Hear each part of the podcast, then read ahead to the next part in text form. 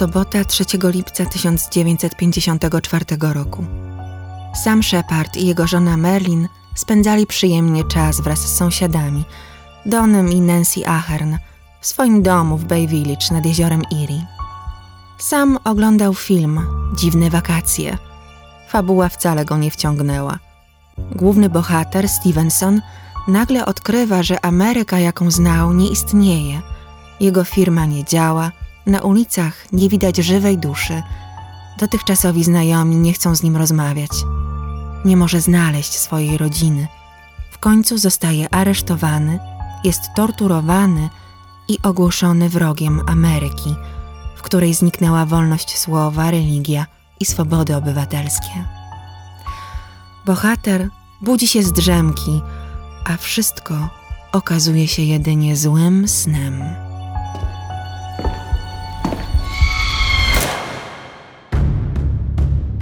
Film trwał tylko godzinę, jednak podczas seansu Shepard zdążył zasnąć na kanapie. Miał za sobą ciężki dzień w szpitalu. Żona, Merlin, poszła odprowadzić gości. Położyła ich siedmioletniego syna spać i sama również udała się na piętro do swojej sypialni. Nad ranem 4 lipca, gdy cała Ameryka przygotowywała się do obchodów Święta Niepodległości, w domu Szepardów rozległy się krzyki Merlin. Sam obudził się, przekonany, że żona woła go rozpaczliwie po imieniu, pobiegł na piętro.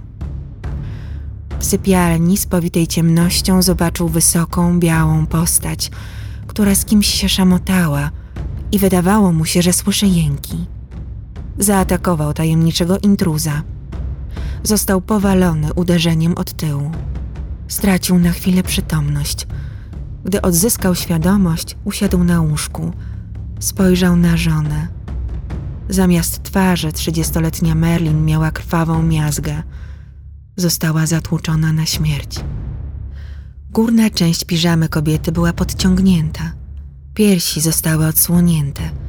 Dolną część piżamy ktoś ściągnął do kostek, w tym niemal całkiem z jednej nogi. Sam mierzył jej puls, ale wiedział, że Merlin nie żyje. Wpadł do pokoju syna, zobaczył, że wszystko w porządku. Sam Rhys Chip twardo spał. Shepard pobiegł za hałasem dochodzącym z parteru. Intrus wciąż był w domu. Pognał za nim, aż wypadli na zewnątrz, w stronę plaży nad jeziorem. Tam znów doszło do starcia między mężczyznami. Sam oberwał po raz drugi. Obudził się do połowy zanurzony w wodzie bez koszuli. Wrócił do domu. Sypialnia wyglądała jak rzeźnia, ślady krwi były wszędzie. Z domu zniknęło kilka rzeczy: zegarek sama, brelok i klucz oraz pierścień bractwa. O godzinie 5.40 Shepard zadzwonił do sąsiada, Spencera Hałka i do burmistrza Bay Village. Na litość boską, przyjedźcie tu szybko. Chyba ktoś zabił Merlin. Burmistrz przyjechał jako pierwszy razem z żoną. Shepard wyszedł im na spotkanie bez koszuli, w spodniach, na których zobaczyli krwawą plamę. Policja przybyła cztery minuty później, a potem brat sama, który zabrał go do szpitala. Mężczyzna wciąż był w szoku, gdy policjanci oglądali dom, a właściwie miejsce zbrodni. W krzakach, poza domem, w płóciennej torbie znaleziono zabrane rzeczy, porzucone lub podrzucone. Dopiero o ósmej rano przyjechał koroner hrabstwa Cuyahoga, dr Sam Gerber. Od razu pomyślał, że wszystko wygląda na inscenizację. Nie widział śladów włamania, nie znalazł narzędzia zbrodni. Okazało się, że w tragicznych chwilach pies Szepardów w ogóle nie szczekał – tak jakby nikt obcy nie wchodził do domu. Nieład wyglądał na upozorowany. Zanim doszło do tragicznych wydarzeń 4 lipca 1954 roku, Samuel Holmes Shepard wiódł spokojne, dobre, dostatnie życie. Urodził się 2 grudnia 1923 roku w Cleveland w Ohio. Miał dwóch starszych braci, Jego ojciec, Richard Allen Shepard, był lekarzem, osteopatą. Sam ukończył z powodzeniem Cleveland Heights High School.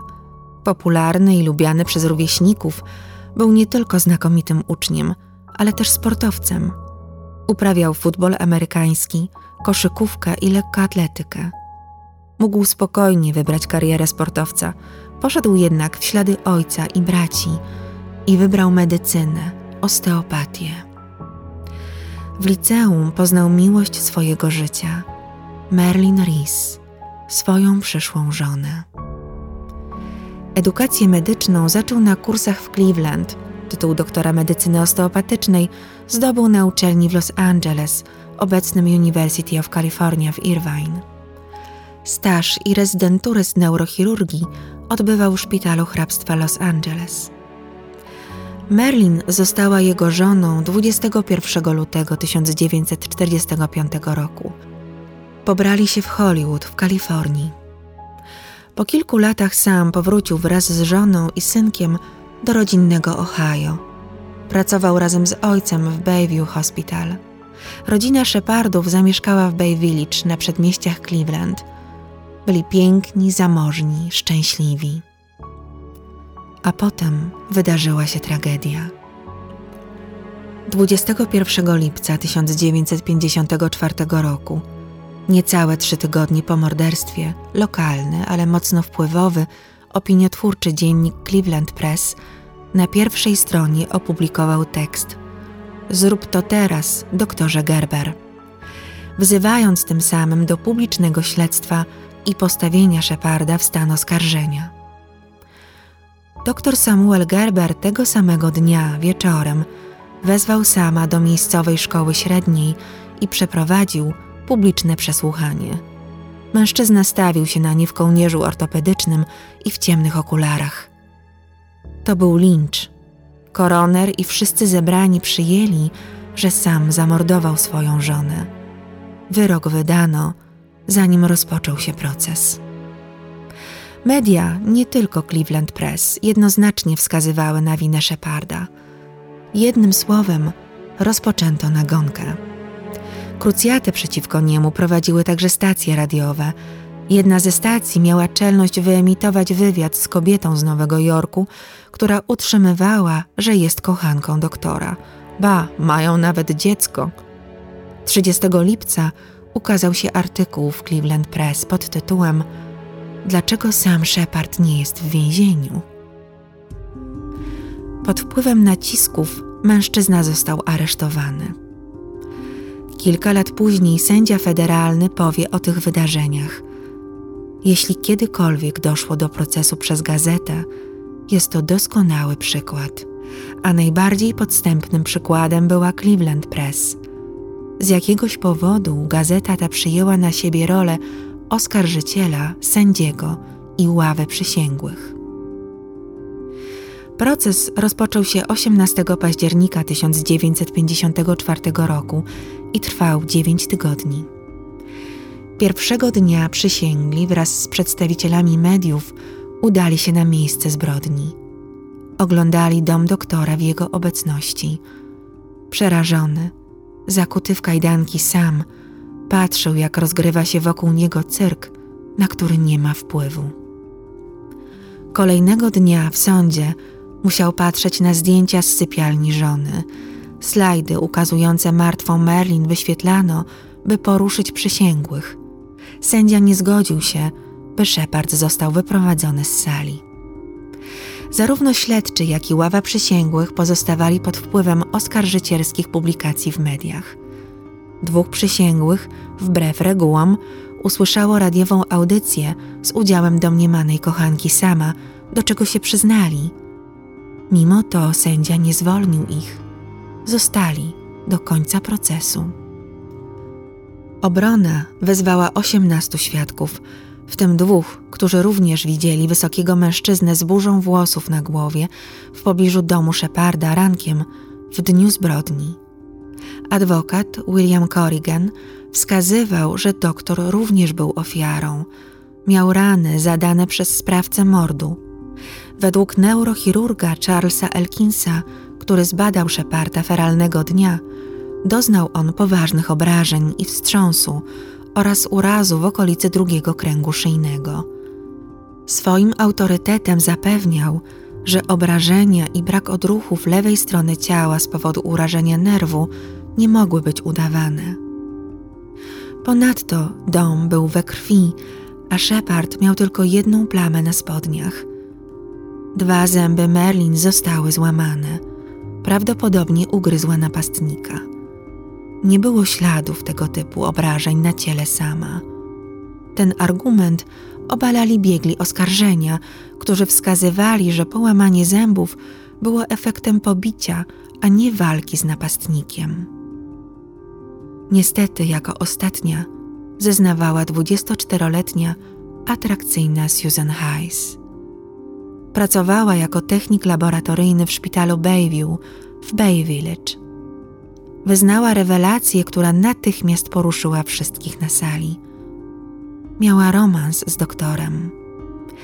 Shepard najpierw temu zaprzeczył, potem jednak nie miał wyjścia. Przyznał, że młoda kobieta mówiła prawdę. Zapewne domyślacie się, że tym jeszcze bardziej się pogrążył. Zdrada i ciąża Merlin, fakt, który ujawniono w trakcie procesu, zostały uznane za wystarczającą motywację do zamordowania żony. 70-letni sędzia Edward J. Blytin był niezwykle stronniczy. Podczas rozmowy z felietonistką Doroty Kilgallen na krótko przed rozpoczęciem procesu powiedział: Cóż, jest winny jak diabli, nie ma co do tego wątpliwości. Ława przysięgłych obradowała cztery dni. 21 grudnia 1954 roku uznano sama Sheparda winnym morderstwa drugiego stopnia.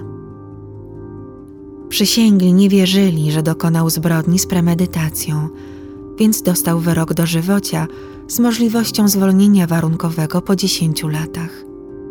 W przypadku morderstwa pierwszego stopnia usłyszałby wyrok śmierci. Wspomniana Doroty Kilgallen relacjonowała sprawę dla The New York Journal American. Ostro skrytykowała przebieg procesu, wyrok uważała za kontrowersyjny. W efekcie straciła pracę. Dwa tygodnie później, 7 stycznia, Shepard dowiedział się, że jego matka Ethel popełniła samobójstwo. Jedenaście dni potem zmarł jego ojciec Richard z powodu krwawiącego wrzodu i raka żołądka. Sam uczestniczył w obu pogrzebach, zakuty w kajdanki. Wybiegając nieco do przodu, powiem Wam jeszcze o kolejnej tragedii, która dotknęła Sheparda. Gdy osiem lat później odbywał się proces apelacyjny, jego były teść, ojciec Merlin, Thomas S. Rees, zmarł w motelu w East Cleveland w Ohio. Popełnił samobójstwo. W 1959 roku Shepard zgodził się na wstrzyknięcie mu żywych komórek rakowych. Był królikiem doświadczalnym podczas badań Instytutu Badań nad Rakiem Sloan Kettering w Nowym Jorku. Przez sześć lat jego adwokat Bill Corrigan składał apelacje. Wszystkie odrzucono. Mecenas zmarł 30 lipca 1961 roku. Nie zdołał zawalczyć skutecznie o sprawiedliwość dla swojego klienta. Sprawę przejął Francis Lee Bailey Jr. z Bostonu. Jego pozew o wydanie habeas corpus uwzględniono 15 lipca 1964 roku. Bailey wniósł sprawę do Sądu Najwyższego. Twierdził, że zostało naruszone konstytucyjne prawo lekarza do rzetelnego procesu. Adwokata zatrudnili bracia Sheparda, którzy nie wierzyli w jego winę. Bailey poprosił o pomoc Doroty Kilgallen, która wydała oświadczenie, iż sędzia był przekonany o winie i wyrażał się o tym jednoznacznie, zanim powołał ławę przysięgłych. Jej słowa potwierdził inny urzędnik sądowy. Sąd federalny rozpatrujący ponownie sprawę nazwał proces z 1954 roku kpiną ze sprawiedliwości, która odbywała się w, cytuję, karnawałowej atmosferze. Sędzia Karl Weinman uczciwie podszedł do oceny swojego poprzednika. Bailey określił go jako najlepszą rzecz, jaka przydarzyła się Samowi Shepardowi.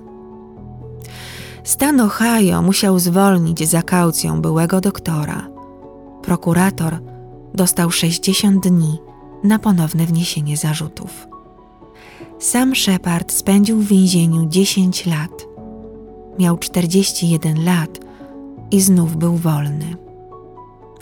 Trzy dni po wyjściu z więzienia w lipcu 1964 roku ożenił się z Niemką z Düsseldorfu, Ariane Teben-Johans, niemiecką rozwódką, z którą wymieniał listy przez kilka lat.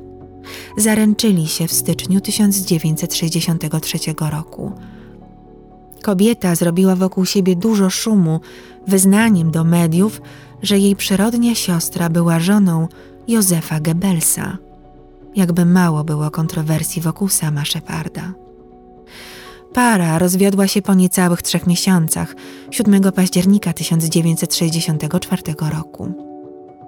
Ostatecznie po sądowych przepychankach 6 czerwca 1966 roku Sąd Najwyższy głosami 8 do 1 uchylił pierwszy wyrok.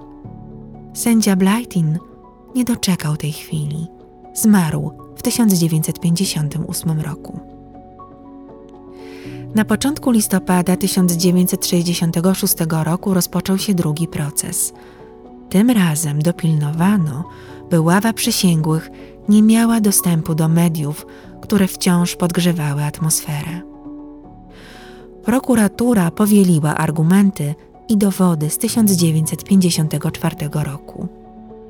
Nowy adwokat Sheparda, Bailey, był jak taran, brał w obroty każdego świadka oskarżenia.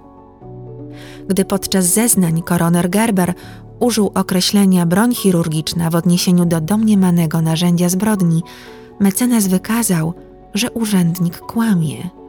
Nigdy nie znaleziono przedmiotu, którym zamordowano Merlin. Były to jedynie czyste domysły koronera, nie poparte żadnym dowodem. W końcu przesłuchano też Pola Lilanda Kerka, biochemika, profesora kryminalistyki eksperta sądowego, dyrektora Zakładu Kryminologii na Uniwersytecie Kalifornijskim w Berkeley.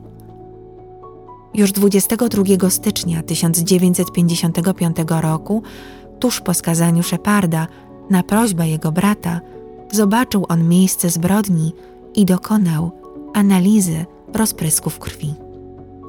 Przygotowany przez niego szczegółowy dokument nie wystarczał wówczas do wznowienia procesu. Kirk w swoim raporcie udowadniał, że zbrodni dokonała osoba leworęczna. Shepard był praworęczny.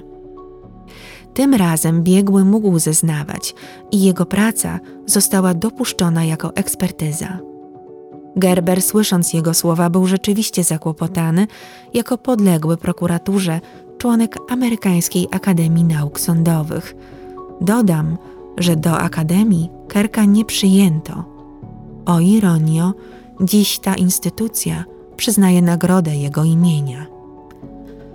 Profesor wskazywał, że urazy zębów ofiary dowodziły, iż ugryzła rękę napastnika. Duża plama krwi na drzwiach szafy prawdopodobnie pochodziła z zakrwawionej ręki mordercy. Testowanie plamy krwi wykazało, że nie pasuje do plamy sama czy Merlin Shepard, więc napastnikiem musiała być osoba trzecia.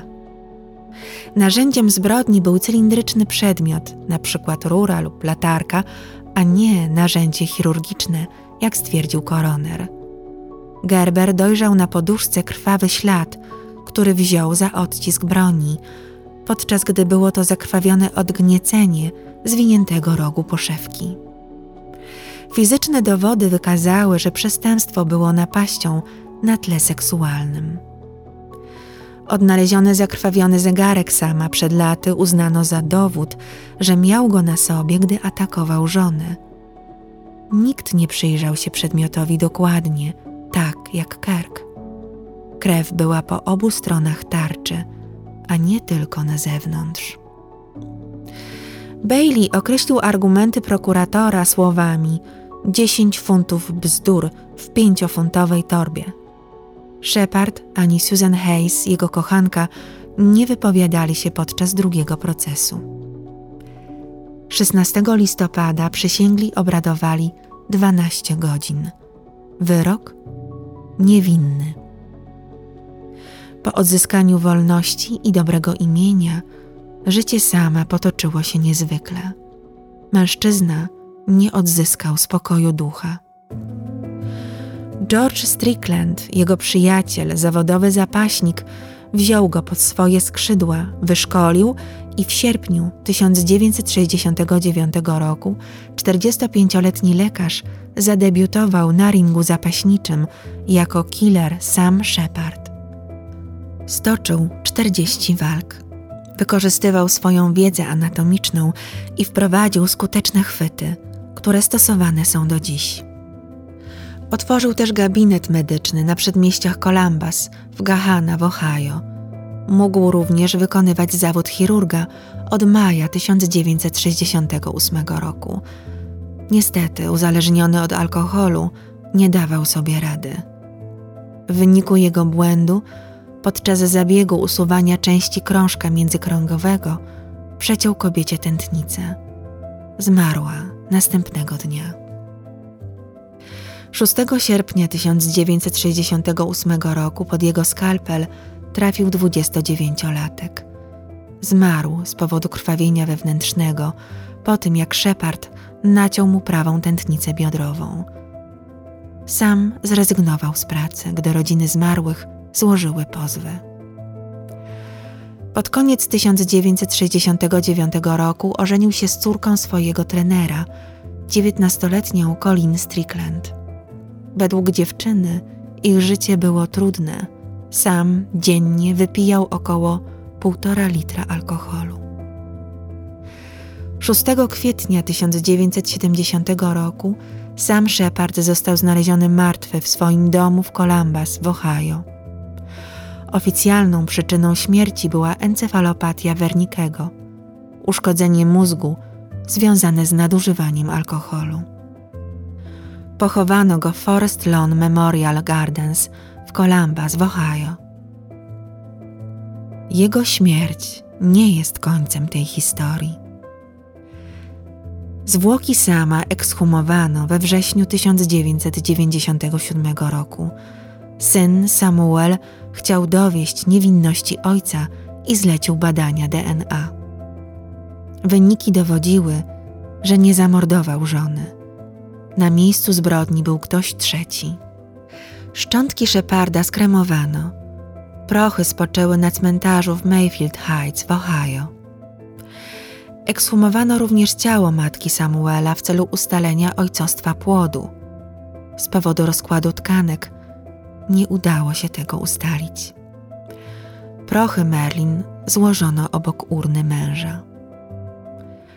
1999 roku Alan Davis, zarządca majątku i przyjaciel Samuela Risa Sheparda, pozwał stan Ohio za bezprawne uwięzienie jego ojca. Adwokat Terry Gilbert wskazał, że to Richard Eberling, który czasem wykonywał drobne prace u Shepardów, prawdopodobnie dokonał zbrodni. Doskonale znał domostwo, a Merlin była w jego typie – co kiedyś nieopatrznie wyznał. W 1959 roku był przesłuchiwany w sprawie włamań w okolicy. Przyznał się do kilku. Jednymi z jego łupów były dwa pierścionki należące do pani Shepard. Podobno ukradł je w 1958 roku, cztery lata po morderstwie, z domu brata sama, ze szkatułki z napisem Własność Marin Shepard. Jego krew mogła być na miejscu zbrodni, bo twierdził, że skaleczył się podczas mycia okien tuż przed tragedią. Krwawił w domu Szepardów, a mimo to nie porównano wtedy próbek jego krwi z tymi znalezionymi na miejscu zbrodni. Przeszedł test na wariografię, dlatego Bailey drugi adwokat Sheparda nie brał go pod uwagę jako sprawcę, nie miał wystarczających podstaw, by go oskarżyć. Obecnie sądzi się, że wynik badania Berlinga na poligrafie był co najmniej niejednoznaczny. Późniejsze badania DNA wskazały, że na miejscu zbrodni była trzecia osoba. Biegły był przekonany w 90%, że jedna z plam krwi na drzwiach szafy w pokoju zamordowanej należała właśnie do Eberlinga. Ale był to za słaby dowód dla sądu. Eberling miał dość nietypową historię. W 1984 roku został skazany za zamordowanie Ethel May Derkin, bogatej, starej wdowy w Lakewood w Ohio. Zwrócił na siebie uwagę, gdy sąd zorientował się, że Eberling, jedyny opiekun i wykonawca testamentu zmarłej kobiety, nie dopilnował jego wykonania.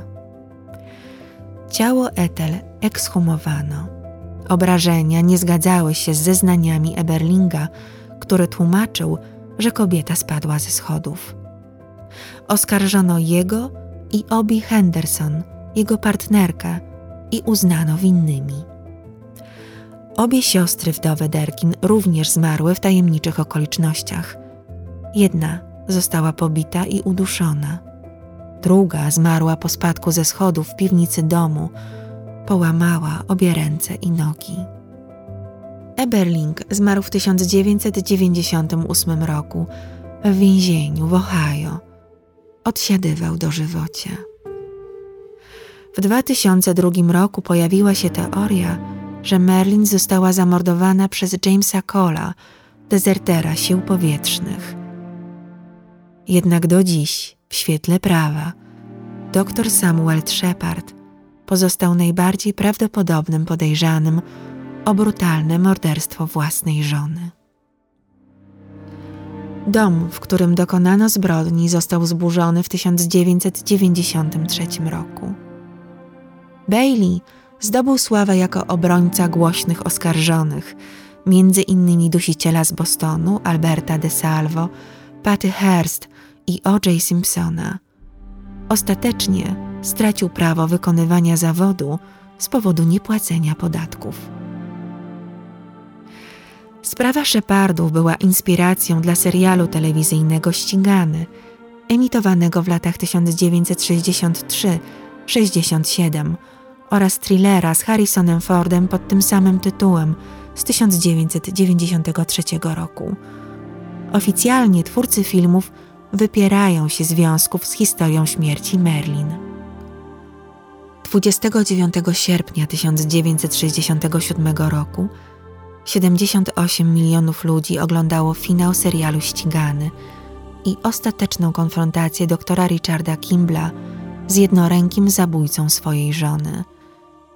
Tym razem nikt nie miał wątpliwości, że lekarz był niewinny. W przygotowywaniu opowieści moim podstawowym źródłem był pełny raport doktora Kerka z lat 1954-1955 przedstawiony przed ósmym okręgowym sądem apelacyjnym w Ohio. Materiały udostępnił w sieci Uniwersytet Stanowy w Cleveland na platformie Digital Commons.